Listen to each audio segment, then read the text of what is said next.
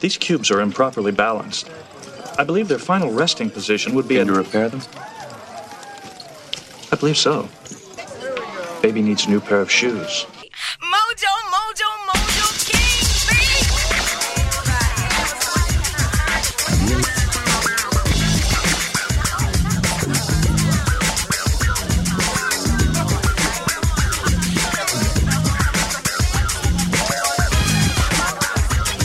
Det er en ny eh, konge i eh, byen, i Lolbua-byen. Eh, Jon Cato heter jeg. Det er ikke jeg som er konge av Lolbuen. Det er min venn Lars. Du er herved utnevnt til konge av Lolbua-byen. Tusen takk. Hva, hva skjer? Nei, det var jo Nå var jo jeg borte forrige uke, og jeg har fått så mye klager på forrige ukes episode at det var totalt anarki. Hjemme alene-fest, fyll og fanteri. Eh, kan, du for, kan du forklare hva som skjedde forrige uke, Lars? Ehm, da du ble borte, så tenkte jeg her må vi stille med et sterkt Et sterkt B-lag, og da var selvfølgelig Ståle med. Og så tenkte jeg nå er det lenge siden vi har hatt med Philip. Eh, Philip med F. eh, Philip Maurizio, en eh, kjent streamer. Tenkte jeg skulle liksom eh, få inn der unge streamerpublikummet. Så da var det vi tre, og det tok veldig av. Eh, man skulle tro vi var ganske dritings eh, hele tida, eller etter hvert, men jeg tror vi bare drakk sånn én pils eller to, kanskje, maks underveis. Men det Altså, tok litt av. jeg, jeg, hørte på det her i bilen på vei hjem fra Vestlandet sammen med min sønn, og han sa han er 17 år da, han bare satt og rista på hodet. Altså, er, det- er det det her dere har lagt ut på Patrion? Ja, ja, Thomas, det stemmer. Nei, men det er opp og ned. Det, det var en chill eh, sommerepisode, da, så, eh, så veldig seriøst skulle det ikke være. Ja.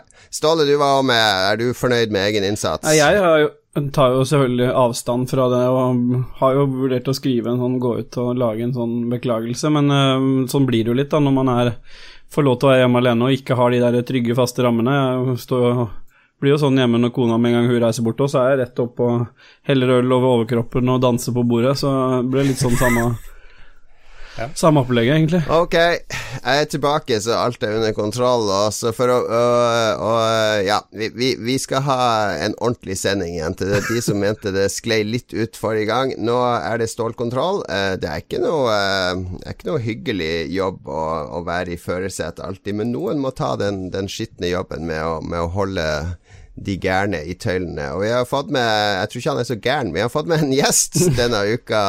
En som jeg har Jeg har vel debattert med deg på radio, i hvert fall én gang, eh, Rune. Og vi har vel møttes flere ganger. Rune Menzoni heter han. Du er professor, er du ikke det? Nei, det er ikke jeg. Eh, Det, da må jeg bli litt eldre først. Jeg er første amanuensis nå. God research, god research fra sjefen. Begynner, dette begynner kjempebra. Det går bare oppover herfra. Ja, Første amanuensis Rune Menzoni ved Universitetet i Bergen. Det stemmer. Du forsker på noe? Jeg forsker på noe. Det gjør jeg. Eh, Jeg jobber på noe som heter Nasjonalt kompetansesenter for spillforskning. Og eh, vi har en del eh, forskjellige prosjekter gående. Mye av det handler om sånne typer avhengighet knyttet til pengespill eller dataspill. Men eh, vi har andre greier også. Så dette semesteret har jeg holdt mye på med noe sånn Fifa-forskning. Med lootbox. Er det du FIFA. som har kjøpt sånne eh, kortpakker i Fifa til mange tusen kroner? Det stemmer, det er meg. Fikk du noen bra spillere, da? Uh, ja, altså, jeg fikk noe bra, men jeg fikk ingen av de uh, Jeg brukte litt over 30 000 kroner da, på bare å kjøpe Fifa-pakker. Eh, fikk eh, ingen av eh, de aller beste spillerne. Wow. fikk, Ingen? Fikk, nei, ingen. For, for eksempel det, Kjenner dere til Fifa? Har, spiller dere Fifa? Ja, ja, altså for de lyttere som ikke kjenner til Ultimate Ultimate Team er vel sånn der du setter sammen eget lag, og så må du kjøpe akkurat som i Magic the Gathering, så må du kjøpe sånne booster packs, og så får du tilfeldige spillere i, i, i pakken, da. Helt uh, riktig. Og uh, de, i de spillene de kommer i forskjellige kategorier. da. Og jeg har gjort dette på PlayStation, og på PlayStation så var det nytt i år at du kunne få sånne legender som Maradona og Pelé og disse her. Mm. Og det var liksom markedsført som en eh, viktig nyhet for spillet, da, at nå kan du endelig få spille med disse her i, eh, på laget ditt. Så etter eh, litt over 30 000 kroner i Fifa-pakker, så satt jeg igjen med nøyaktig null legender på, som hadde lukket opp i pakkene. Og det var da du ble spilleavhengig og måtte bruke 30 000 til, var det ikke det? Ja, riktig. Da måtte, når jeg først hadde begynt å bruke så mye, så kunne jeg ikke slutte. Da måtte Ja, jeg fortsette. ok, vi skal snakke Nå er vi litt ute av sendeskjea. Vi skal snakke mer om det her og de andre tingene du forsker om litt etterpå. Nå er det nemlig en ved roret, Lars. Merka du nå at jeg tok liksom styringa, og så ser jeg på sendeplan, og så liksom fører jeg det videre der vi skal, sånn at vi kommer i mål? Jeg sitter og noterer nå, jeg syns det er kjempebra. Veldig bra. Vi begynner nemlig alltid med hva vi har gjort i det siste, eh, hvis vi har noe interessant å dele. Jeg kan jo si jeg har jo vært i nærheten av deg, Rune, i det siste, for jeg har vært eh, på Vestlandet. Så jeg har vært på Halsnøy, som er et stykke sør for Bergen, da. Eh, har tatt årets første bad i havet. Eh, kanskje litt seint, fordi det har vært ekstremt varmt på, på Sørlandet, i hvert fall på Østlandet. Men eh, det var veldig overraskende varmt i havet, må jeg si. Har du bada ennå, Rune? Jeg er ikke så veldig eh, ivrig på denne badingen, men resten av familien min har badet haugevis med ganger allerede. Eh, Det har vært tropevarme her i eh, perioder, i hvert fall. Og solen Ja. skinner ennå, og Brann leder serien. Ja, ja. Jeg ser jo at det er ganske bra vær i Harstad i dag. Det ser jo alle som ser streamen vår, for der har vi er integrert Harstad-Tine sitt eh, webkamera som de har montert på Høgskolen i Harstad. Nå ser det faktisk sommerlig ut der. Ja, det, det, temperaturen har steget et par grader, så nå har vi sånn komfortable 14 eh, grader. Så det er jo fantastisk. Helt utrolig, helt utrolig. Ståle, noe nytt hos deg? Nei, jeg ikke, jeg tror ikke jeg kan begynne å dele noe ennå, men jeg har vært eh, hjemme, jobba, og så har jeg endelig fått starta ferie, så det er um, status quo. Så jeg håper på um, finne på mye som jeg kan dele. Så jeg har liksom lagt opp lista i ferien at jeg må, må gjøre ting som potensielt gir mulighet for historier her. Så det er jeg har lagt en sånn slagplan for ting som normalt sett ikke ville ha gjort, men som kan gi en god historie her, så jeg tenker det er et godt utgangspunkt, da.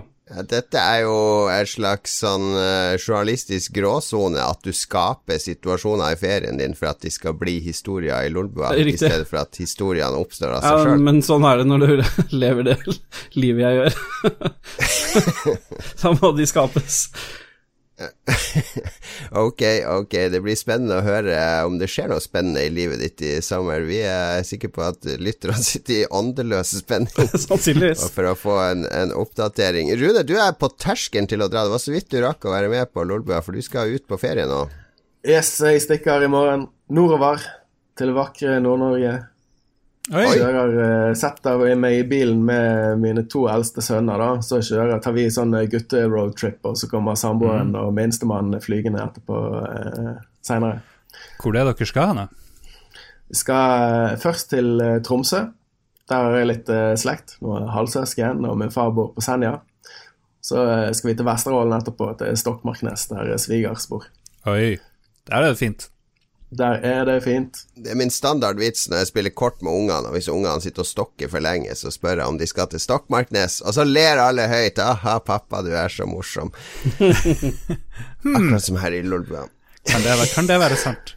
Men jo, Jon kanskje vi må nevne at vi har uh, jobba mye med vår Patrion-ting i det siste. Ja, det stemmer det. Vi, er- du, eh, du har jobba hardest av alle, for vi eh, rett før, eller under forrige episode, så lanserte vi vår Patrion, som vi egentlig har jobba med en stund. Eh, og det er jo Patrion er jo en sånn der uh, nettside der du, hvis, hvis det er kreative folk som lager f.eks. musikk eller film eller podkast eller andre ting som du digger, så kan du gå inn og gi et lite sånn økonomisk bidrag hver måned. Alt fra en dollar til, til mange dollar. Men, eh, men vi er jo eh, vi, vi er ganske realistiske. Men det er jo mer at vi, vi har ganske mye Eller vi har en del utgifter eh, som vi nå klarer å få dekt, så vi slipper å ta av egen lomme hele tida. Og så frigjør det muligheter til å få til mer. Vi er vel kanskje Vi er noen få dollar unna å kunne få til et juleshow. Ja, det, vi er fire dollar unna et juleshow, faktisk. Så det er jo, det er jo realistisk å få til. Det burde være mulig å nå. Men så, vi har masse sånne tears. Det er sånn det funker på Patrion. At jo mer du gir, jo mer gir uh, skaperen tilbake. Så vi har liksom på eh, 15 dollar, så får du mail fra meg. Purring på forfalt. Nei da. Jeg, jeg, jeg savner jo den tida der jeg skrev i Aftposten og andre steder, så der får jeg sånn utløp. Det er mest for min egen skrivetrening, for da har jeg en sånn deadline hver uke, så jeg må skrive et eller annet. Så det er en sånn vinn-vinn både for meg og forhåpentligvis for de som støtter det nivået. Og så har vi jo uh, producer. Er vi, vi har fått én producer nå, har vi ikke det? Ja, vi har det. Kenneth? det er jo, men det er jo for litt spesielt interesserte, da. Det må jeg si. Ja, den er ganske dyr, men der får du også spise middag med oss før alle livesendinger, hvis du kommer til livesendinger. Da spanderer vi en Happy Meal på deg. Jo, På, eh, så klistrer vi navnet ditt på alt vi gjør. Så hvis du føler at det er kult å liksom få en uh, tittel Tittel hos oss Og så har vi jo Vi har en, en swapper-tier, må vi ikke glemme, for der får du gave i posten fra oss eh, to ganger i det, er året. den, det er den mest populære, faktisk, tror jeg. Ja, det- jeg tror mange har store Vi har jo snakka om sånn penisavstøpning og andre ting, hva vi skal ha som første gave. det, det er ikke kødd. Jeg håper vi kan gjøre noe annet. ja. ja. Nei, men uh, poenget er at uh, imot de her litt sånn uh, nyttige eller unyttige tingene, sånn som eksklusive episoder hver måned og ukentlige brev fra Jon Cato med kåseri og ting og tang, så jo mer klarer vi å gjøre. Eneste Så- Rune tenker nå, at dette ligner veldig på noe som gjør deg spilleavhengig. Er avhengig. Det er litt sånn tears, Ja, det- og du får det, og du får der, og det Derfor vi har med Rune, for å konsultere om hvordan vi kan få flere til å gi mer. Ja. Nei, men ok, nok om det. Nok om Patrion. Folk er lei av å høre om det. Patrion. Patreon. Kom og støtt oss hvis dere uh, liker oss. Så, uh, så er vi fornøyd. Og forhåpentligvis dere fornøyd. Og forhåpentligvis fornøyd. Eh, Spillet den her så, eh, Philip gjorde en veldig god innsats forrige uke, det skal jeg si. Han gjorde sitt beste for å unngå at skuta skulle havne i, eh, i fjæra for ofte. Så jeg spiller den til ære for Philip. Final Fantasy 7-musikk.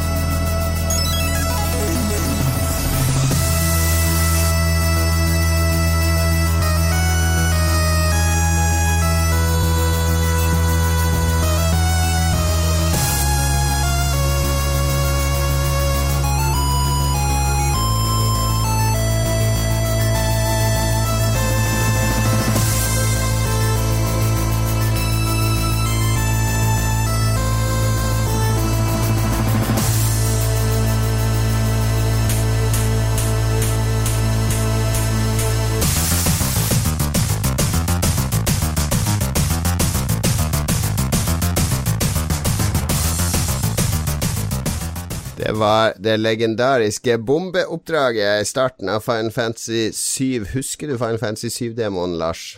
Absolutt. Det var jo magisk. Det var magiske tider på PlayStation da alt var mulig med den nye konsollen din. Det var ingen grenser, rett og slett. Plutselig kom det video i spillet. Det var jo helt sinnssykt. ja, Levende det bilder. var Altså. abs absurde tider. Var du, når, når begynte du å spille, Rune? Hva var det, ditt første spill? Eh, jeg begynte på, eh, begynte på Commodore 64, da. Det var eh, første spillet jeg husker jeg hadde sånn nært forhold til. Det er International Soccer på Commodore 64. Eh, det, var, det var storslagen moro. Jeg husker det var noen som lagde Jeg tror det var en nordmann som lagde en mod av det spillet som heter rullestolfotball. Der de bare bytta ut spritene med rullestoler. Altså beina. Det gikk jeg glipp av, dessverre. Det hørtes, hørtes veldig bra ut. Men uh, vi skal over på, eh, på, eh, på deg nå, fordi du er jo gjest. Da må vi gjøre litt ære på det. Du har allerede snakka litt om uh, noe du har forska på i vår, nemlig Fifa-pakka. Og eh, hva, eh, altså forskning har jo alltid et sånn mål, så hva var det du ville oppnå f.eks. når dere skulle forske på disse Fifa-pakkene? Det, det høres ut som sånn forbrukerjournalistikk når dere leter etter de her legendary-spillerne mer enn kanskje forskning, eller er det andre ting som dere er interessert i å kartlegge? Nei, det, det her ligger i krysningspunktet mellom forbrukerjournalistikk og forskning, absolutt. Eh, Så Grunnen til at jeg hadde lyst til å gjøre det, er at jeg har vært med i en del forskjellige grupper og utvalg og sånt, der vi har hatt diskusjoner om eh, eh, ulike fenomener i dataspill, og der lootboxer ofte har vært eh, med. da. Og så har det vært eh, snakk om hvordan skal man forholde seg til lootboxer. Trengs det en eh, regulering knyttet til den type mekanismer i spill, og ligner det på pengespill? Hva er dette for noe, egentlig? Og så har det hele tiden vært klart at mange av de som eh, sitter og skal fatte beslutninger rundt eh, regulering, f.eks. av eh, mekanismer i spill, de spiller gjerne ikke så mye sjøl, da. Eh, Ja. Så jeg hadde et ønske om å bare samle sammen eh, et solid informasjonsmateriale på ett eksempel på sånne mekanismer som eh, de kunne bruke. Og det er veldig, veldig low-key forskning. da. Eh, Ingen store, avanserte teorier som testes eller noe sånt. Det er bare åpning av pakker og samle sammen og se hva vi får. Men hovedtemaet på alt du gjør, egentlig, det er spillavhengighet. eh, Ja, dette her er jo egentlig ikke spilleavhengighet som overskrift, men eh, mesteparten av det vi gjør, er jo det også. Hvordan begynte du, hvordan havna du der, liksom? Kan du fortelle litt om veien din frem til, til stillinga di i dag?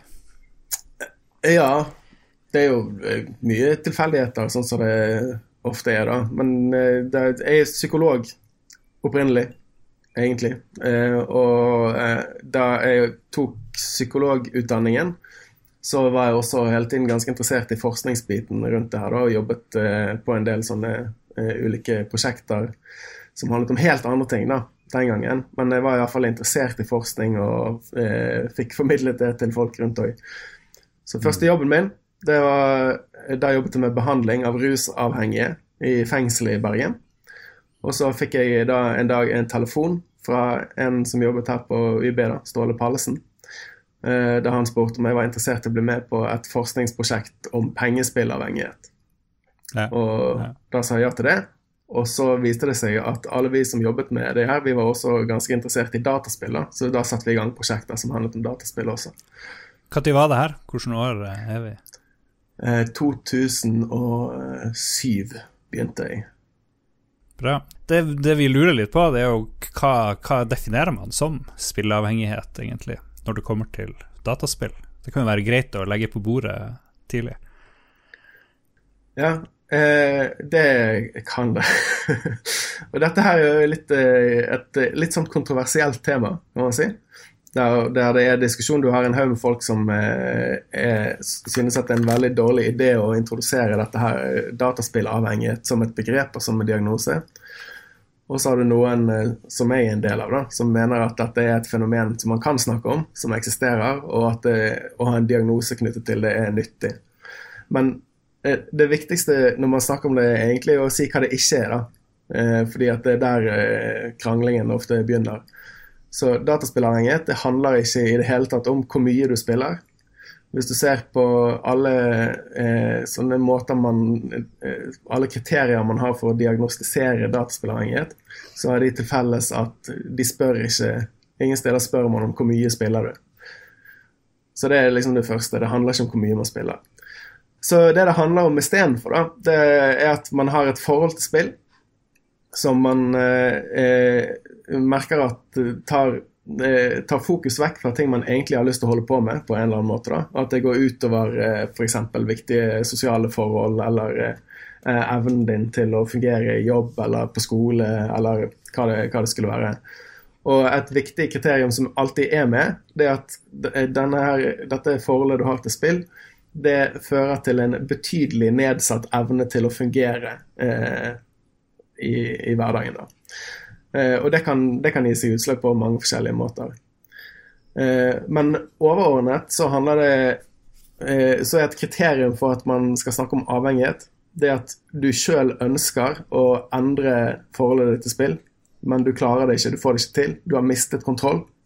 Sånn at det på en måte blir en aktivitet som før har gitt deg mye positivt, da, noe som har gitt deg glede eller et eller annet, men som nå har mer eller mindre kapret livet ditt, og som du ikke klarer å komme deg ut av, selv om du egentlig har lyst til det. Det er jo mange det jo Som du sier, det blir, kan bli litt uh, misforståelser uh, rundt spilleavhengighet, dataspillavhengighet. Jeg har inntrykk av at mange spillere blir litt sur og defensive uh, hvis man introduserer og begynner å snakke om det. Er det. Er det noe du møter? Ja, absolutt. Det er jo en av de første innvendingene man kommer med når man snakker om dataspillavhengighet som diagnose. Det er ikke egentlig det vi gjør nå, å stigmatisere eh, eh, hobbyen, eller for mange er jo dette mer enn en hobby også, det er noe som er med å eh, eh, prege ident hele identiteten din. Og er ikke man med å stigmatisere det der, da. Det, det er jo litt vanskelig å si om man gjør det, da, eller ikke. Jeg håper jo at dette ikke skal føre til noen ytterligere, ytterligere stigmatisering. Det er jo allerede litt stigma rundt det her fra noen eh, eh, Ja, så- Fra noen steder, kan man kanskje si. Nei, og så er man kanskje litt kritisk fordi det har vært mye rundt det her med vold og eh, dataspill. Man er vant til å høre fra, fra ulike steder ja, ja, du driver med dataspill, da er du stor sjanse for å bli drapsmann, eller et eller annet sånt. Og da, da blir du kanskje kasta i den klumpen med Ja. useriøse Det er en helt eh, annen, en helt annen eh, diskusjon, det vil jeg bare si med en gang. Eh, Det, det her har ingenting med dette her spørsmålet om man blir voldelig av å spille dataspill. Det blir, det blir man ikke. Det er, jeg er helt enig. Ja, det er en helt annen diskusjon. Men det, det er jo så både, Jeg har jo vært i debatt med deg et par ganger, eh, Rune, fordi jeg var jo Når jeg var kritiker, så var jo liksom I 20 år så har liksom spill vært litt sånn uglesett, så det, det har liksom blitt angrepet fra alle kanter. Altså når det ble snakk om spillavhengighet, så blir man automatisk litt sånn defensiv, fordi man tenker er det, er det nå det som, som vi skal få stigma på? Altså overskrifter som at dataspill tar barn prioriterer dataspill fremfor å gå på ski, liksom. Det er liksom å, fy, fy. Eh, så, så man Spillere har alltid vært defensive, fordi man har vært liksom den der eh, litt dumme stebroren i hobbyene som, eh, som ingen egentlig Ingen voksne egentlig vil anerkjenne. Men jeg syns jo den forskninga er jo kjempenyttig. Altså det er jo sånn Samtidig så virker det jo som at det er litt sånn i, i samfunnet nå at eh, det er det er ganske mye fluktmuligheter for folk. Det er veldig mange som, eh, som, som Jeg vet ikke, hva heter det nu- Nummer seg mot samfunnet ved å gjemme seg i f.eks. sosiale medier eller dataspill eller i andre ting som de liksom bygger en borg eh, og verner seg sjøl mot omverdenen på. Eh, Er det en sånn generell overordna trend, eller for det er vel ikke bare dataspill som, som folk får et problem med, eller bruker som en slags Som lar ta over livet sitt? Nei, eh, det kan du kanskje si. Og det her med eskapisme er jo en av elementene i et problematisk forhold til dataspill. Når man ser, går gjennom listen på hva man spør etter, så er eskapisme en av de delene. Flukt, flukt fra virkeligheten. Men samtidig så er eskapisme i seg sjøl er jo ikke negativt. da. Alle har jo behov for å koble av eh, og gjøre, gjøre ting som liksom får fokuset vekk fra ting som man stresser en, eller hva det er for noe. Og om det er å lese romaner eller spille dataspill eller hva det er for noe, det, det er jo ikke et problem i seg sjøl. Men eh, eh, jeg, jeg mener jo at det er noe med spill som gjør at spill eh, har muligheten for de rette folkene under de rette omstendighetene til å være ekstra problematisk, da. Hvis sammenlignet med TV-serier eller eh, bøker eller tubaspilling eller hva det skulle være. Og, og det handler jo om eh, disse eh, strukturene i spill som f.eks. at eh, alltid skjer noe, det foregår hele døgnet, og hvis du kobler av, så går du glipp av noe. Det kan være noe. Og, og generelt om måten spill gir deg belønnende opplevelser, og fordeler belønnende opplevelser til deg over tid. Som, som, er måte, som er litt særingent for spillmediet. da. Ikke, du finner ikke det i TV-serier på samme måten. Så selv om man kan bli hektet av mye forskjellig, så er det et eller annet med spill, både dataspill og pengespill, egentlig, som, som er annerledes enn eh, andre ting. Er det noen spesielle mennesker som blir lettere spilleavhengige enn andre? Det har jeg lurt på. Det er i hvert fall visse grupper i befolkningen som er særlig utsatt. Og den ene soleklare eh, gruppen som peker seg ut, det er jo ikke overraskende for noen, det er unge menn. Eh, og det er jo et interessant spørsmål hvorfor det er, da. Det er jo et eh, det er, jo, det, det er jo ikke noen naturlov nødvendigvis som skulle tilsi at det er sånn. Men det er noe med unge menn som kanskje gjør at det er en ekstra utsatt gruppe som i tillegg til at det handler om at den gruppen er ekstra interessert i spill i utgangspunktet, da, så handler det også om at uh, hvordan hjernen modnes. Så frem til vi uh, menn er sånn 25, så er ikke de delene av hjernen vår som tar seg av eh, impulskontroll, f.eks., altså evnen til å utsette noe positivt for å gjøre noe man egentlig burde gjøre istedenfor, den er ikke ferdig utviklet. da. Og det i kombinasjon med at man kanskje i den perioden fra eh, 17-18 og så opp til 25, eller hva det skulle være, så har man, da er det mange som eh, flytter hjemmefra, de begynner å studere et eller annet, og så har man mye frihet i studieperioden, så man kan egentlig innrette dagene sine sånn som man vil. Da har du en sånn eh, eh, cocktail av faktorer som eh, drar i retning av at man er ekstra utsatt for det her. Kjenner du deg igjen, Lars?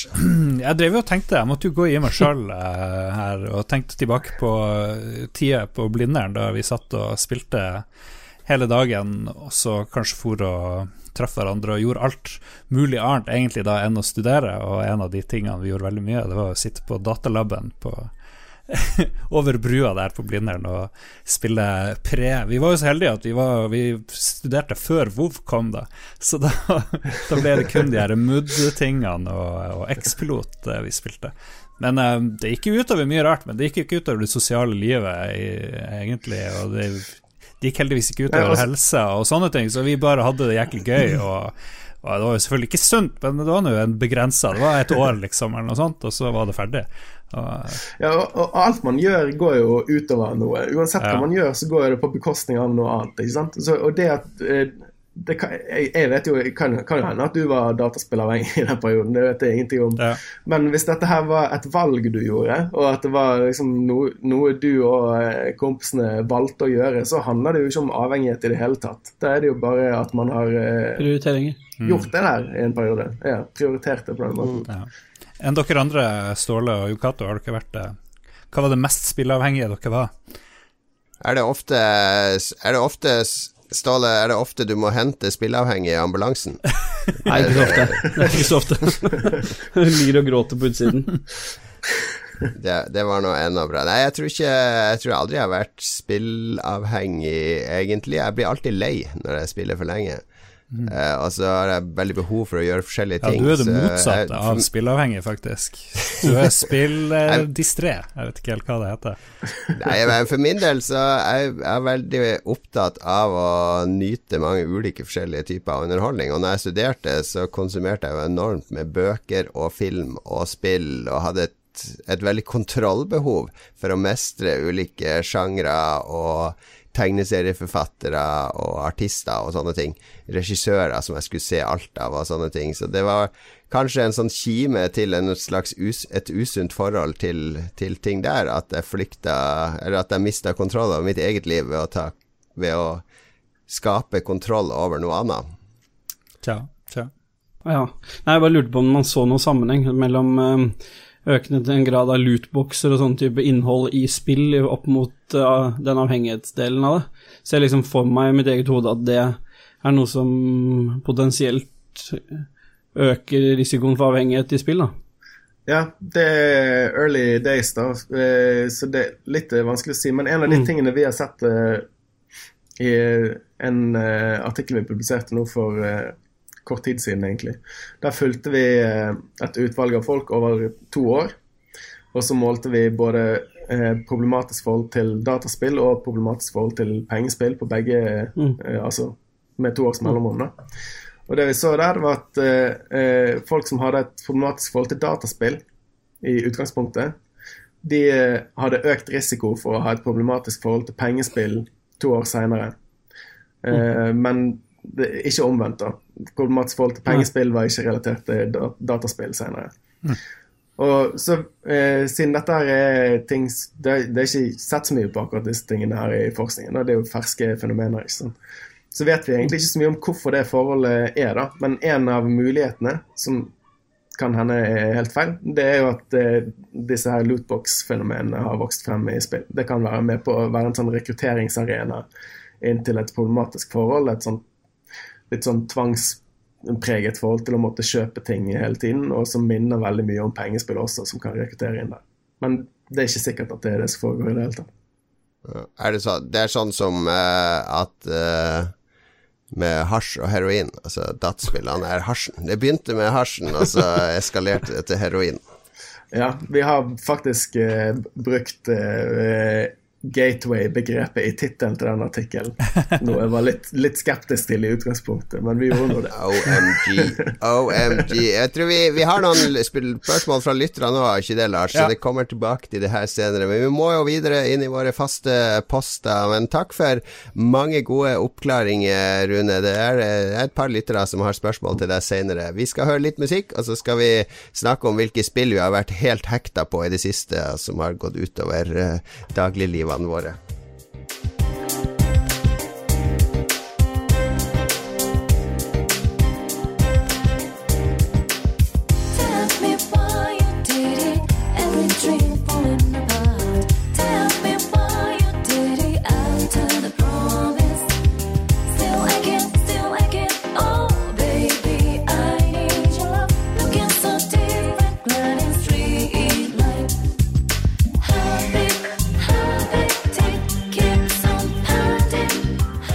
Heartbeat Hey, Heartbreak der fra Persona-spillserien. En eh, meget populær japansk rollespillserie.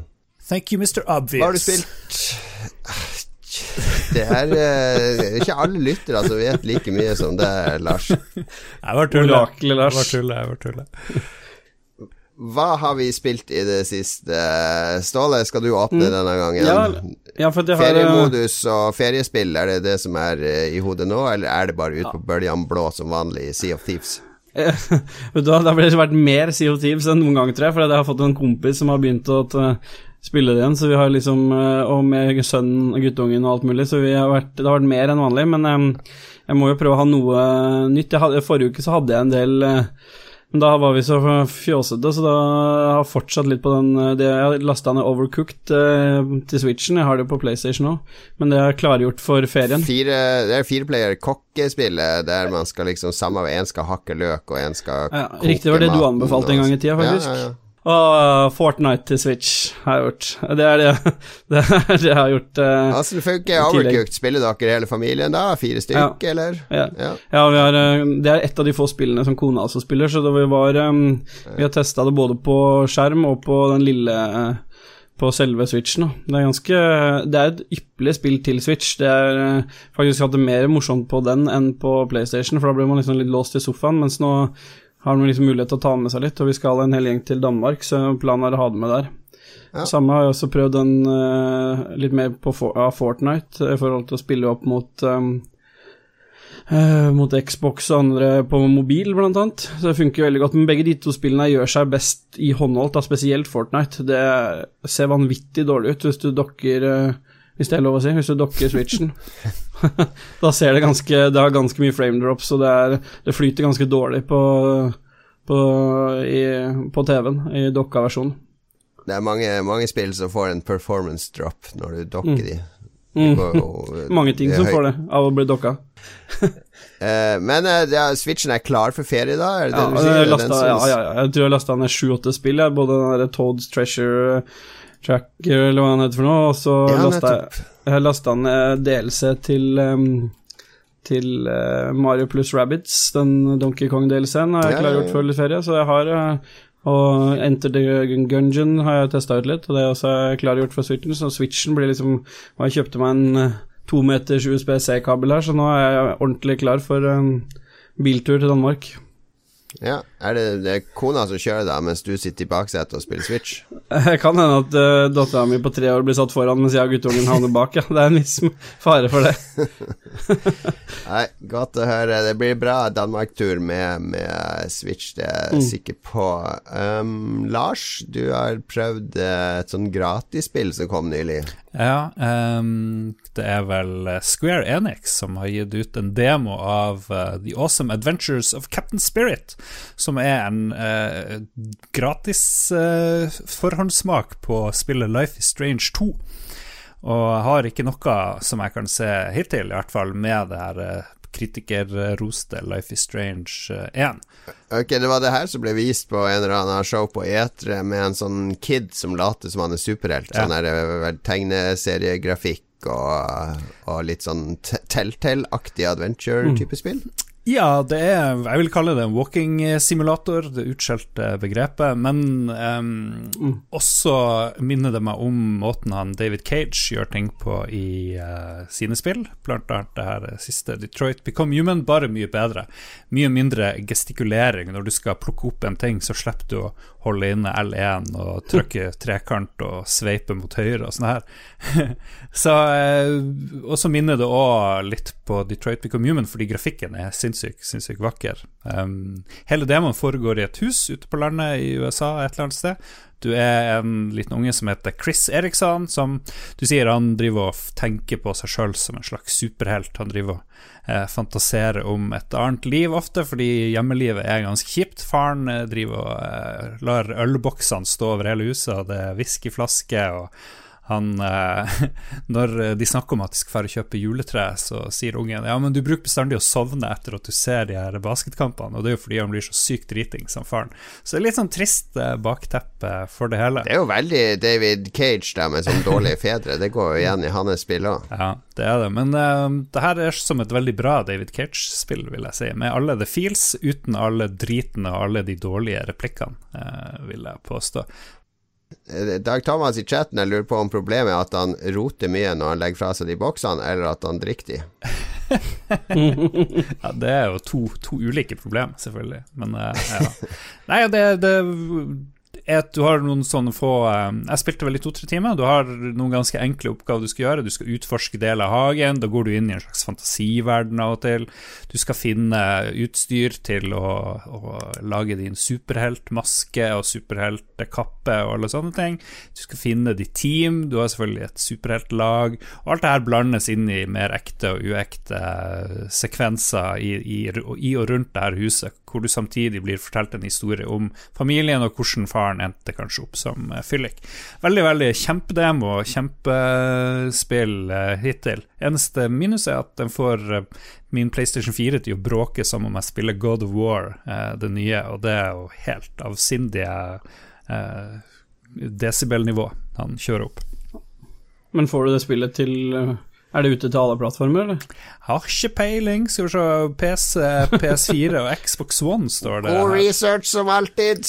Men da, da vil jeg jo anbefale å kjøre det på Xboxen din. Sannsynligheten for at den ikke støyer der, er ganske stor. Ja, Ja, og det er Kjøpt og betalt, kjøpt og betalt. Så herre, du er blitt så Jeg ikke hørte forrige sending òg, Ståle. Du er jo verre enn Magnus var noen gang. Og Magnus han var sånn der eh, nekta å innrømme at han var Microsoft-fan. Ja, jeg er innrømmer det, jeg stolt- gleder Du er stolt av det. Ja, helt kjempe. Noe av det gøye med, med, med, med, gøye med den her eh, Cap Awesome Adventures of Captain Spirit er at du blir minnet om veldig mye i barndommen som du kanskje har glemt, eller, eller uh, hvilke forhold du hadde til eh, ulike tegninger du hadde, og hvordan et rom i huset kan ta en helt annen rolle enn det du tenker på det i dag, ikke sant? Uh, hvordan uh, varmtvannstanken uh, utspiller seg i en ung guds fantasi, osv.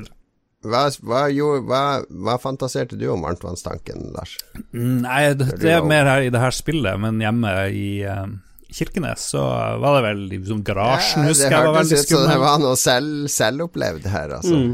Jo, det er selvfølgelig selvopplevd, men ikke akkurat den varmtvannstanken oppe i Kirkenes. Da jeg var liten, så var f.eks. garasjen var bestandig full av skumle farer osv. Vanskelig å nå lysbryteren og sånne ting. Jeg hadde en potetkjeller på Evenskjær som, det, som jeg hadde det forholdet til. Uten at vi skal rippe opp i horrorstorier fra barndommen. Jeg har spilt eh, Det streamer jeg også. Det er vel egentlig det eneste jeg har spilt i det siste. Jeg har vært superbusy på jobb, for sånn de fleste har sommerferie nå, så det var veldig mye som måtte gjøres klart for det. Men innimellom så har jeg fått tid til å spille Luminous Remastered, som jeg også streama på Lolbua sin Twitch-kanal. Det er jo Tetsuo Mitsuguchi sitt klassiske PSP-spill, kom i 2004 opprinnelig, som nå er remastera og gitt ut. Det er kommet masse varianter av Lumines etter det første, men det her er liksom sånn som originalen var, med de samme lydsporene, med vokaler og alt mulig som har vært borte i andre utgaver, osv., osv. Eh, det er et av verdens mest perfekte puslespill. Det handler om å det kommer sånne kvadratiske blokker ned, og så er de delt inn i fire ruter, og de rutene er én av to farger. Så det handler jo rett og slett om å lage kvadrater og rektangler i samme farge ved å snurre disse blokkene og plassere de oppå hverandre. Eh, en slags Tetris, uh, men altså- men så alt timer med musikken. En sånn strek som går over skjermen, og hver gang den passerer en komplett firkant, så forsvinner alle blokkene i den firkanten. Så du må time det med den streken, da. Det er den første store lærekurven. At du må ikke plassere ting før du vet at du har tida på deg til å bygge ut firkantene osv. Eh, så når du kommer over den terskelen, så blir spillet veldig sånn der suggerende, hypnotiserende Du blir helt uh, i sonen, da. Uh, og da kan du sitte i timevis og bare spille og spille og spille og plassere disse blokkene og bare stenge hele omverdenen ute. Eh, som jo høres veldig farlig ut nå når vi har eh, Rune med oss i sendinga, men det, det er, uh, det er et, et perfekt puzzle-mestringsspill. jeg vet jo at f.eks. Tetris brukes jo til å behandle eh, sånn posttraumatisk stressyndrom for soldater. Det har i hvert fall vært gjort forskning på å bruke Tetris til å liksom fokusere tankene og, og, og, og, og behandle traumer. Så jeg vil jo tro at det her også kan fungere på samme måte. Har du vært borti noe sånn forskning, Rune? Jeg har ikke drevet med det sjøl, men jeg kjenner til uh, greiene. Det gir litt mening også, for det handler om denne Tetris eh, er et ekstremt effektivt spill til å bare sone fullstendig ut i en liten stund og få flytte tankene over fra noe stressende og så fokusere på det som skjer der. Da. Ja. Så det, det gir mening. Hvor happy er du med at uh, spillanmeldere bruker ordet som avhengighetsskapende i en positiv uh, betydning? Uh, Nei, det er ikke noe jeg er veldig opptatt av egentlig i den ene eller andre måten. Men det, det illustrerer litt problemet i det her. da. Fordi at uh, da, da snakker man om eh, Man bruker det samme begrepet på å beskrive noe positivt og hverdagslig på, og, og på noe som er behandlingstrengende og sykelig. da.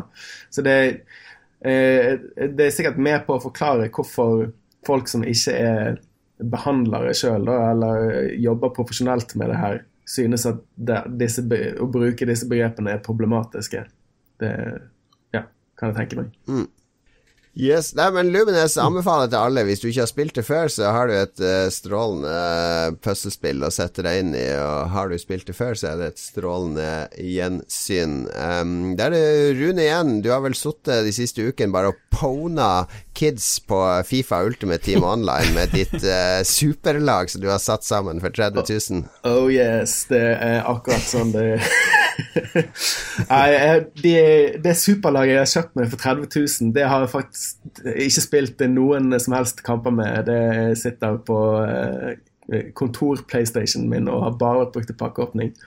Men jeg har spilt masse Fifa, det har jeg alltid gjort. Og i år så har jeg liksom gått all in på Fifa for å sørge for at jeg eh, forstår eh, hvordan det her spillet fungerer, samtidig som jeg gjør det her prosjektet. da. Så jeg driver og spiller det. Jeg prøver å eh, grinde meg gjennom Weekend League hver eneste helg. Men nå, nå har jeg fått eh, nok, da, så jeg orker ikke mer enn å eh, grinde meg opp til de elleve seirene jeg trenger for å kvalifisere meg til neste gang, så, til neste helg. Sånn at jeg kan utsette meg for samme lidelse neste helg også. så jeg begynner å få litt nok av Fifa, egentlig. Spørs om eh, Fifa 19 blir det første jeg står over på sånn. Uh, det blir en test. Men jeg har spilt det.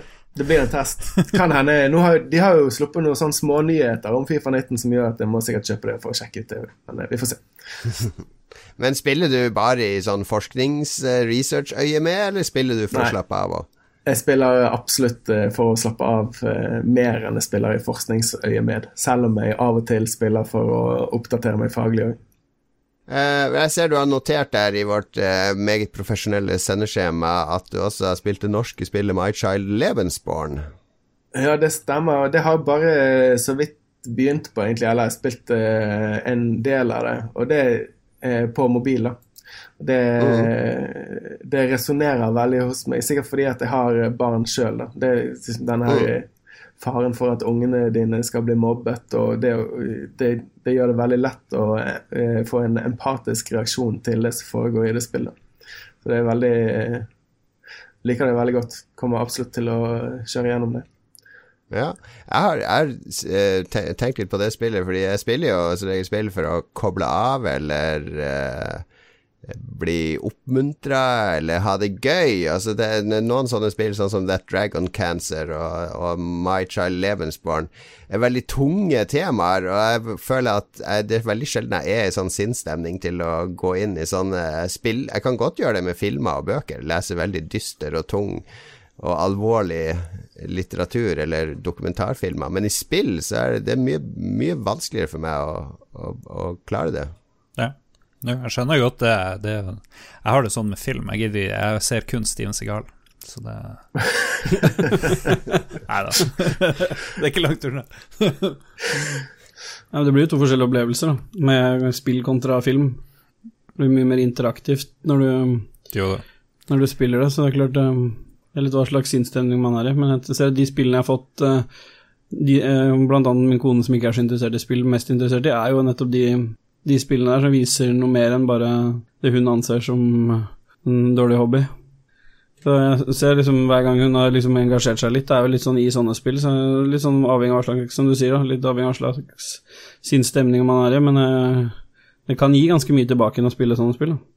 Ja. Noe du har fått damer med på, som har, har blitt gira på. Uh, Inside, Ja, blant annet. Okay. Ja. Selv om det ikke er noe sånn så godt eksempel på det, men det var hun med å spille hele spillet, f.eks.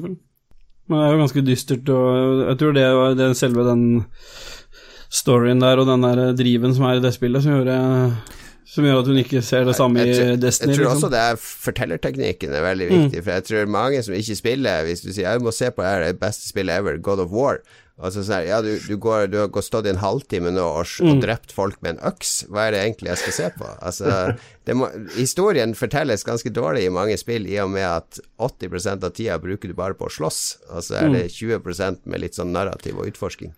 Men uh, Inside er jo veldig spesielt, for der er det jo ingen egentlig historie annet enn den du lager sjøl. du blir jo aldri fortalt noe som helst uh, direkte. Det fortelles jo via omgivelsene og din tolking av det som skjer. Ja. Så eh, kanskje flere burde tørre å være litt mer intelligent i måten de forteller historier på. Sånn som i det kommende spillet Mosaikk. Ja, det har jeg hørt mye om. Det, håper, jeg håper du har hørt mye om det. Jeg håper vi får høre enda mer om det. Eh, Skamløs egenpromotering her i Lolbua. Det var det vi har spilt i det siste. Litt musikk nå. Og så blir det ukas anbefaling, og det blir Det kan jeg se på scenen. Her blir mye rart. Her blir mye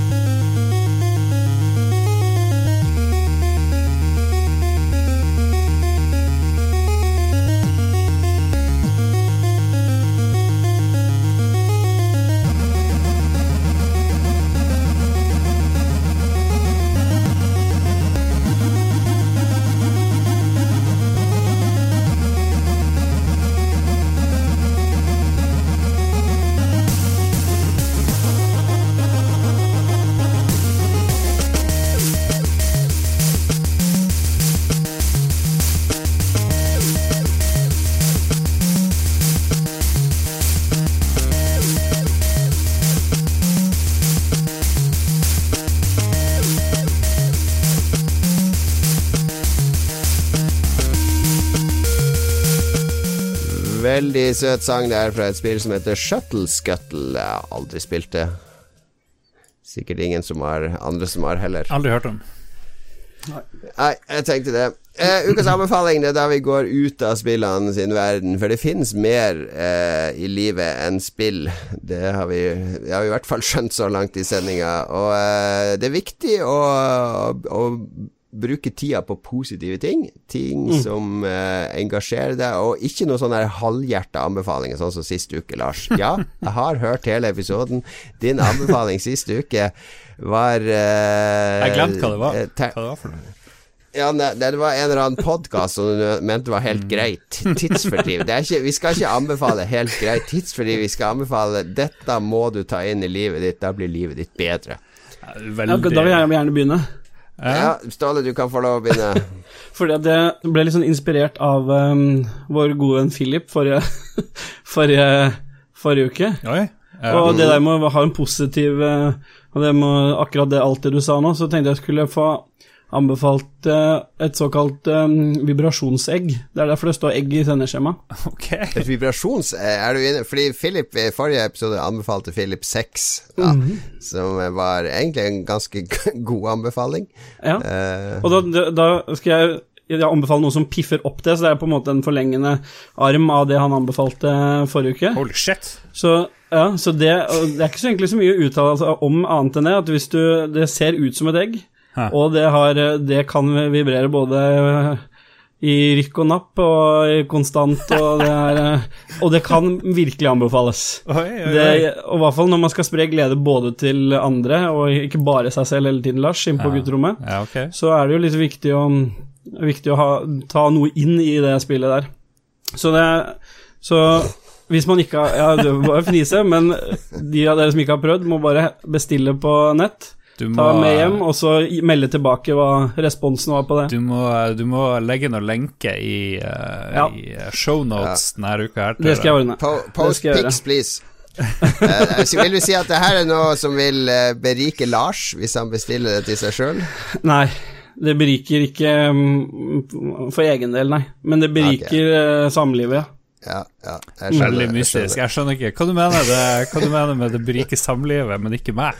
Hva du mener Nei, det? altså, det er jo til din partner, da, eventuelt. Ok, ja. Så menn kan ikke bruke det, er det du sier? Jo, du kan sikkert bruke det også, men jeg, det har ikke jeg prøvd.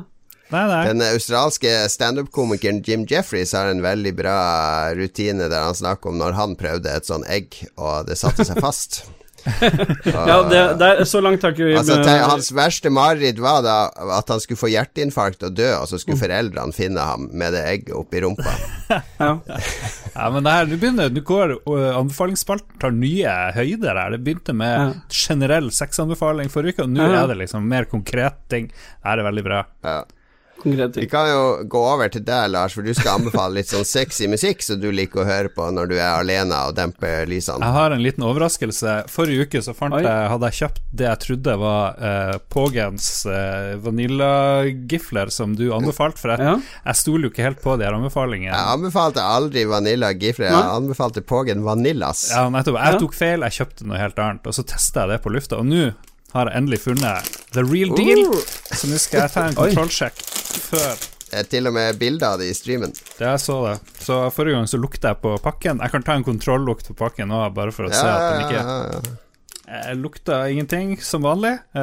Det ville vært skummelt hvis, hvis posen begynner å lukte noe, men jeg tenker at det er en fin sjekk. Og så selve Jeg liker at du lukter på posen. selve og lukter på selve den der bolla, og den lukter bedre enn den der giflehelvete, for den lukta bare kjemikalier i forrige uke. ja. Mm, god lukt. Utgangsdato 2. august. Det er ikke så lenge til. Nå tar jeg, nå tar jeg en bit. Mm. Nja Og det som er greia, at du ga jo det her til folk på et sånt styremøte, Jon Cato, og, det- ja, det gjør det. Og mente at det ble stor suksess. Det ble spist opp alle sammen. Så det her er jo, Nå spiser han Pågen eh, Vanillas. Det er jo da sånne små boller med vaniljekrem i midten. Det er jo den som liksom er eh, selve prikken over i-en. Det var litt lite fyll krem inni her, syns jeg. Mye deig, lite krem. Smaker veldig lite. Smaker litt av den vaniljen. Så terningkast tre. Helt totalt, Nyskapende og helt totalt middelmådig mat. Jeg kan si til alle som er i vår discord, og hvis du ikke er i vår discord, så bør du komme deg dit, fordi alle får en meget personlig hilsen i vår discord. Meg og Lars. Lars har jo gått forfatterstudiet, endelig får han brukt det til noe nyttig. Jeg, jeg har bare masse kreativt utløp, så vi lager noveller til alle som kommer inn, omtrent. Så meld deg inn i vår discord. Rune, du meldte deg akkurat inn i vår disk discord. Herlig. Du har det der Vet du, Twitter-navnet ditt, eller ditt kallenavn, eh, det har jeg alltid trodd var Tape 10. At det var liksom eh, kassett nummer 10. Før jeg, det trodde jeg i flere år, før jeg til slutt skjønte at kanskje det er på norsk, og at det er Tapeten. Ja, men Det er det som er så utrolig genialt med det navnet der, da. At det funker både på norsk og på engelsk. Ja, så ja, ja, Hvis du vil vite en, eh, hemmeligheten, opprinnelsen til det, så kommer det Ja. fra gamle dager, da jeg drev med litt sånn eh, kreative øvelser og prøvde meg som DJ og laget elektronisk musikk og sånt. Da het jeg Ah. eh, Fet Tapet, og det ble til Tapeten. Og på, når jeg var da i engelske eh, forumer og sånt, så ble det Tape 10 som også funket. Mm. Så det her er bra. Veldig. Det, der, det er sånn bergensting. Altså DJ-er fra Bergen De skal ha sånne helt teite Det er gymbag, han er fra Bergen, og så har du tapeten og eh, det, det er sånn Vi skal ha de mest vanlige, kjedelige ting. Hva er det første du ser? Det er, det er liksom DJ-navnet. Ja, det, er- det er litt sånn. Smartpanel. DJ Mikrofon er jo fra Bergen, for eksempel. Typisk. eh, Og, og han eh, Ståle blir jo da DJ Vibratoregg fra, fra Yeah. Nice. All right. Jeg skal ta min anbefaling, så skal, skal Rune få lov å avslutte. Jeg tror jeg nevnte for et år eller to siden en skrekkfilm som heter Spring, som jeg anbefalte. Eh, Den er laga av to, et sånn radarpar, sånn ung, to unge menn, som heter Justin Benson og Iron Moorhead. Eh, de har laga tre filmer sammen, og den nyeste filmen deres ligger nå ute på iTunes og andre steder. Den heter Resolu... Nei, eh, den heter The Endless. Uh, og The Spring, eller Spring likte jeg veldig godt, for det handler om en dude som havner er på ferie, en amerikaner på ferie i Europa, og så møter en dame, og så er det noe rart med dama. Uh, veldig sånn Lovecraftian-aktig Det er ikke sånn der jump scare horror, men sånn creepy. At det er et eller annet galt. Eh, og Endless er det, er det mest Lovecraftske film jeg har sett noen gang. Altså det, det handler om to sånne brødre som har rømt fra en kult for ti år siden. En sekt eh, langt ute oppe i fjellene. Og så han yngste broren han lengter litt tilbake dit, da, for de klarer liksom ikke å lykkes med livet deres på utsida. Så ok, vi kan dra og besøke de og se åssen det er der nå. Og så er det fortsatt Det er ikke noe sånn horror med masse blod og jumpscare. Det er bare Det er noe galt hele tida. Og det er sånne disturbing sekvenser, og lyd og bilde er Det er hele tida noe Akkurat som i Lovecraft, så er det liksom det ukjente og det som liksom ligger når det normale blir unormalt, som, som gjør det engstelig. Og det er noe sånn her òg, da. Det handler om det, de brødrene og det forholdet deres, og, og dette området i fjellene som det er Det skjer noe rart der oppe. Uh, så, så Justin Benson og Aaron Moorhead Det er to veldig kule sånne horrorfilmskapere som uh, Jeg skal definitivt sjekke ut den første filmen deres som jeg ikke har sett ennå. Men The Endless på eh, iTunes, eller hvor du nå enn skaffer deg film. Tror den koster 99 kroner der. Hvis du vil ha litt sånn lowcraft horror, Er lavbudsjett og hele pakka, men eh, det funker bedre enn en de der eh, Paranormal Activity og all den der vanlige, moderne eksorsisme-horroren som all horror skal være nå. Ok, takk. Takk, takk. Mm, mm, mm. Da er det Rune til slutt. Jeg, jeg vil eh, anbefale av hele mitt hjerte bandet Car Seat Headrest. Eh, det er, eh, det, jeg oppdaget det her bandet for uh, sikkert eh, en ukes tid siden, eller noe sånt. Og eh, det har uh, virkelig eh, nådd frem til hjertet mitt. Da. Det, er, det er fantastisk. Er de fra Bergen? Nei, de er ikke fra Bergen. Det er et eh, amerikansk band. Det, er, det startet egentlig som et soloprosjekt. Jeg tror jeg begynte i rundt eh, 2010 eller noe sånt. 2010. Uh, og så har jeg en som heter Will Toledo. Så nå er det blitt utviklet seg til å bli et syvmannsorkester. Og de har ut nå for et par måneder siden ga de ut en plate som heter Twin Fantasy. Og det er en gjeninnspilling av en sånn eh, lo-fi skrangleplate som han Will Toledo ga ut eh, for, eh, i 2011 eller noe sånt. Og det er utrolig bra. Det, det er i kategorien indie-skrangle-rock. Kult.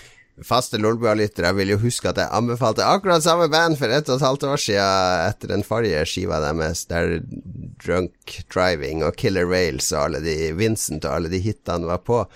Jeg, jeg nevnte snakka også om dem, for de var jo på Øya i fjor, og da, der var jeg jo og så dem. Uh, var Kjempeflott konsert. Kjempebra band. Så det er veldig, veldig hyggelig at du har oppdaga de, Rune.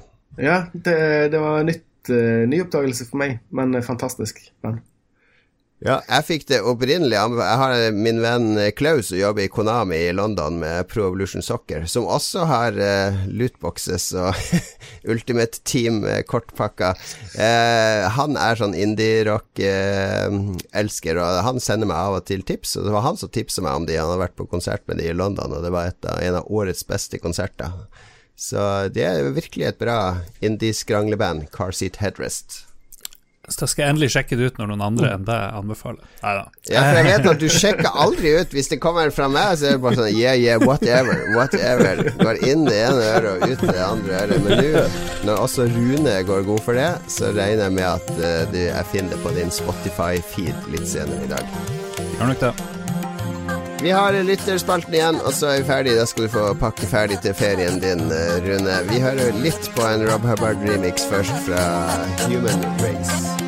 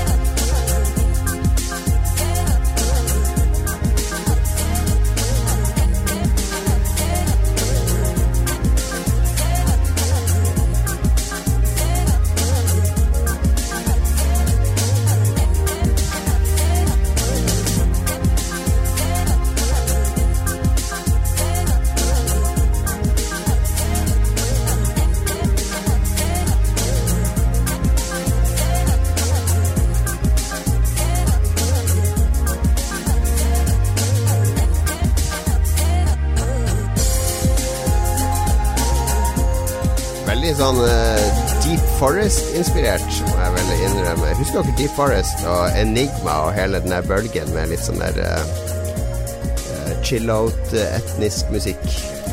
Hører du gjennom de her sangene før du setter dem på, eller er det bare sånn random? Eh, Jeg har hørt alle før, det har jeg jo. morsomt. By the way, du hopper over min musikalske anbefaling, men jeg tar den neste uke. Eh, skal jeg gjøre. Ja, ja, du ble så satt ut av at eh? Nei, du ble så satt ut av Pågens eh, Vanillas, men det er helt greit. Det er lang nok sending, sånn som det. Det er det. Du får spare den til neste uke. Vi skal ha lytterspalten, og de er vel i fyr og flamme denne uka, Lars. Ja, vi annonserte jo hvem som var vår gjest, Rune, og så lurte vi på om de hadde noe historie eller innspill, og jeg prøvde å få noen til å legge ut om sine, sin mørke avhengighetsbakgrunn og sånt, men det er kanskje ikke Det var litt, eh, litt kort eh, frist eh, og kanskje feil arena for akkurat det, men vi fikk nå en del, en del tilbakemeldinger. Um, spiller Rune noe selv, eventuelt hva? Vi vet jo at, sier Øystein Reinersen, vi vet jo at du begynte på Commodore 64. Uh, og så la meg gjette, fikk du Amiga etter det, da? Ja. Uh, Amiga Ja. 1200 var den første Amigaen jeg fikk. Jeg, jeg, måtte, jeg, fikk ikke, jeg måtte gå flere år før jeg klarte å komme på Amiga-toget. Du har havna veldig hjemme her, da. Vi er veldig glad i Commodore-bakgrunnen veldig mange i Norge har. Det er jo det litt gøye med, med Europa at eh, det var så mye Commodore, mens bakgrunnen til mange i USA er vel eh, Nintendo Sega den type ting. Robert Carstensen, eller? Ja, Robert har jo delt, eh, delt hjertelig fra eh, kanskje når han hadde et litt problematisk forhold til spill, for han sier at han hadde en meget søt eh, jente som samboer da World of Warcraft kom til Norge. Og et halvt år senere så havarerte samboerskapet fordi han prioriterte questing med Paul from England fremfor. Og han tror bristepunktet var når hun strippa foran han for å få han til sengs, men han hadde ikke tid for han skulle raide. Ja, det er jo litt trist, da. Det, det er jo Han forteller det jo det som det? en morsom anekdote. Han fikk sikkert noe lut. eh, Han var kanskje ikke så glad i henne. Det høres ut som et bra spill, da, i hvert fall. Som, eh, Kanskje Det var er det det derfor er det derfor du har kjøpt eh, egget, Ståle, så at du Ja. skal få mer tid på Sea of Thieves? Så, Helt korrekt, eh, Jan Gado. Helt korrekt. Så kaster jeg det bare bort. Ta det, ta det. Jeg spiller. Jeg er midt i noen greier her. Han, eh, han Philip med F, forrige ukes gjest. Eh, takk for at du var med, Philip. Eh, beklager alt det andre. Eh, da han var, var hekta på World of Warcraft, så slutta han å spille fordi han innså at han ikke lenger spilte for å ha det gøy, men fordi han måtte eller burde. Og etter det så ba, ber han unge gamere spørre seg sjøl om det. For si, om man spiller for å ha det gøy, eller spiller man for andre grunner? Da bør man kanskje reflektere litt over det, hvis det er andre grunner. Og han, han spør liksom der, Rune, da, er, det noe i den tankegangen? Ja, det, det er jo noe som eh, mange som eh, har et sånn problematisk forhold til spill, eh, snakker om. At de ikke lenger har eh, Ikke lenger spiller fordi det er så gøy, men de spiller eh, fordi, fordi man ikke klarer å la være, og at man egentlig har blitt sånn utbrent på spill. da. Men det er bare, man gjør det fordi, fordi man gjør det. Det er liksom rutinen, og det er det man holder på med. Uh, og det, det går jo litt uh, Kanskje litt på tvers av det mange bekymrede foreldre og sånn tenker, at, eh, at de ungene her, de, de, de skal bare ha det gøy hele tiden, at man ikke tenker på noe annet. Men, mens de som virkelig har problemene, det er ikke det der at man skal ha det gøy nødvendigvis som er drivkraften, men det er den her litt sånn tvangsaktige atferden med at man gjør det fordi man ikke klarer å gjøre noe. Bra. Godt svar. Takk for det. Vi driver og venter på at Ståle skal kikke på sendeskjemaet og ta neste Ja, vi har hatt det klare nå. Ja. Henrik Elman uh, lurte på hvordan man blir avhengig av spill, og hva man kan gjøre for å bryte ut av den flowen, som han skriver. Hvordan blir man avhengig av spill, og hvordan bryter man ut av flowen? Eh, ja. eh, det, det, jeg vet ikke om jeg har en sånn oppskrift på hva, hva, hva du skal gjøre for å bli avhengig av spill. Uh, men det, det er i hvert fall sånn at det, er- det en del sånn sårbarhetsfaktorer som går igjen hos folk som utvikler avhengighet, som kan handle om sosiale ting som ensomhet eller uh, litt sånn mental, psykiske så, sårbarheter som depresjon og angst og sånne ting. da. Eh, så hvis man har noe, de her sårbarhetsfaktorene i kombinasjon med eh, tid og lyst og arenaen til å liksom fortape seg i spill, så, eh, og spiller de rette spillene, da, de som, har, som er lagt opp til at man kan liksom eh, fortape seg i det, ja. så, så er det kanskje oppskriften. Da. Det, er jo ikke, det er jo ikke sånn at alle som spiller mye, blir avhengig. Noen kan spille mye og sp sp bruke eh, mange måneder eller et år på å bare spille, egentlig. Og så kan man bare velge å slutte å gjøre noe annet etterpå.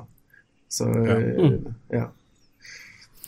Du får både det ene og det andre her fra lytterne. Uh, Christian Tjessem sier han har et skikkelig spillproblem han håper du kan løse. Han har ikke tid til å spille så mye og så ofte han skulle ønske. Mo -a. Uh, Henning Østrem Rottvit sier at uh, han opplevde en forelder som ville forby TV-spilling da barna besøkte hverandre. Eh, og så viser han til en artikkel som handler om kjedsomhet, og der forteller en spesialist om barn og unge at barn velger skjerm litt som alkoholikere velger alkohol. og han mener at det her er litt sånn tvilsom, eh, tvilsomme greier, da. Ja, Det hørtes litt eh, dodgy ut. Jeg har ikke noe behov for å, eh, på å forby eh, TV-spill, og jeg møter heller ikke mange som har den holdningen at man skal forby TV-spill blant ungene sine. Men jeg møter mange som absolutt har eh, kanskje litt overdrevne bekymringer eh, knyttet til spill. Og, og så handler det jo For meg, når jeg snakker til sånne forsamlinger, så handler det om å forklare om hva, hva det er med spill som er tiltalende for folk som spiller, hvorfor, hvorfor det er interessant å holde på med det, og også hvilke ting som faktisk er positivt med spill, som mange får, får noe igjen for. Men det her med alkohol og sånt Det, det var jo en sak her for eh, ikke så veldig lenge siden om Nav i Trondheim som eh, sa at eh, nå var dataspill blitt et større problem enn alkohol. Eh, eller en rus generelt, da, for, for Nav i Trondheim. Og det, det er sånn Da har du ikke forstått noen ting. For det, Måten man kommer frem til sånne feilslutninger på, da det er Hvis du jobber på et Nav-kontor, og så ser du at OK, i min eh, gruppe med, med unge, unge voksne arbeidsledige, så er det veldig mange som spiller data hele tiden så tenker man eh, at da må det være sånn at det er dataspillene som har satt i, i den situasjonen de er i. Da, at det er dataspillene sin skyld at de er arbeidsledige. Men det er jo, en, det er jo absolutt ingenting som, som tyder på at det er sånn verden henger sammen. Så her, Det som skjer hos Nav i Trondheim, antagelig, er jo at de har masse folk som er arbeidsledige, og som har mye fritid. da, Og Ja. da spiller de spill i den eh, tiden. Så dataspill er ikke blitt et større samfunnsproblem enn rus.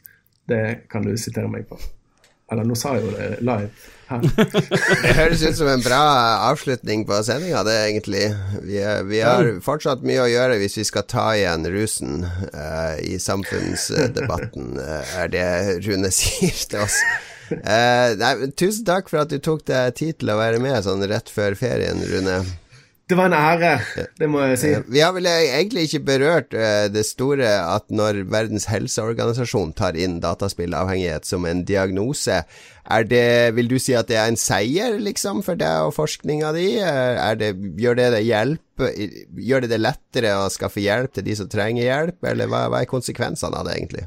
Jeg har ikke tenkt på det så mye som en seier for min forskning, selv om forskningen vi har holdt på med her, er antagelig en del av grunnlagsmaterialet de har brukt. Men jeg, jeg er tilhenger av den diagnosen først og fremst pga. sånne ting som du nevner, at det er av pragmatiske hensyn. At nå eh, håper jeg det blir lettere for folk som har den type problematikk, å få den hjelpen de trenger. Og, for, mm. og, og også for eh, helsevesenet, da, det offentlige helsevesenet, til å ha en, eh, den riktige knaggen å feste på problematikken når de faktisk tilbyr behandling for det. For det mange har gjort til nå, er jo å sette pengespilldiagnose på folk som kommer med dataspillproblemer. Og det, det er jo ikke Det blir jo feil. Bra. Tusen takk for det. Det får være siste år. Vi minner om eh, alt det vanlige. Vi er på Facebook, Lolbua. Vi er på Instagram, Lolbua. Vi er på Twitter, Lolbua. Og vi er også på Patrion nå. Patrion.com slash Lolbua. Vi mangler fire dollar før, vi bikker, før det blir juleshow. Uh, så spytt gjerne inn noe der hvis du har lyst. Har du noe mer? Skal du tigge litt mer, Lars? Um, nei. Nei, jeg tror det Men du må nevne Vi har Det var jo en del av greia med, med produsent, så har vi en produsent som visstnok har blitt lova å bli nevnt. Ja. Hvem er produsent av ukas episode? Det er Kenneth Bekkevar, som er vår første produsent. Ja, sett pris på det, Kenneth. Veldig Mm. bra. Bra fyr. Tusen takk. Kenneth. Og tusen takk til deg, Rune. Jeg håper du har en fortreffelig ferie i Er det Tyskland du skal til? Nei, det var Nord-Norge. Det er nesten det samme. Det er nesten det samme. Det er, du, Jon Cato er veldig glad i andre verdenskrig, så med en gang tenker Nord-Norge Det var nesten min anbefaling denne uka, var en dokumentar om innsatsstyrkene i Øst-Europa, som er rimelig drøy. Men den, den sparer vi til en hyggeligere sending når det ikke er så Det kan bli for mye alvor i en, en og samme sending. Nei, men det var konge å ha en seriøs og skikkelig kar eh, for en gangs skyld som gjest. Tusen takk. Til å, til å lede sendinga. Til å lede sendinga, var det du mente? Nei, det var, det, var minuset. Nei da. Veldig, du er flink, Jon. Det, Nei, tusen takk, Rune. Vi må, det skjer alltid ut på slutten, så vi må bare sette foten ned, ellers så blir det bare svada fremover. Eh, takk til dere som hører på, takk til dere som støtter oss på Patrion. Vi høres igjen om en uke. Husk, Lolbua kommer hver uke gjennom hele året. Aldri pause. Vi stopper aldri. det var en trussel.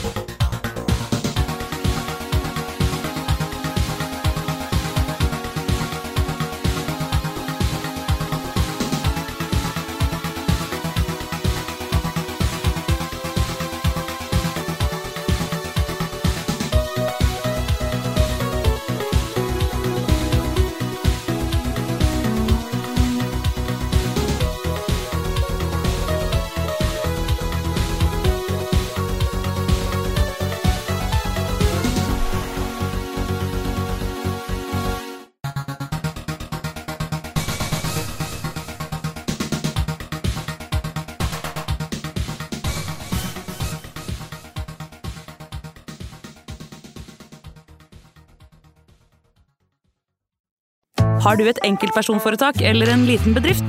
Da er du sikkert lei av å høre meg snakke om hvor enkelt det er med kvitteringer og bilag i fiken, så vi eh, gir oss her, vi. Fordi vi liker enkelt. Fiken superenkelt regnskap.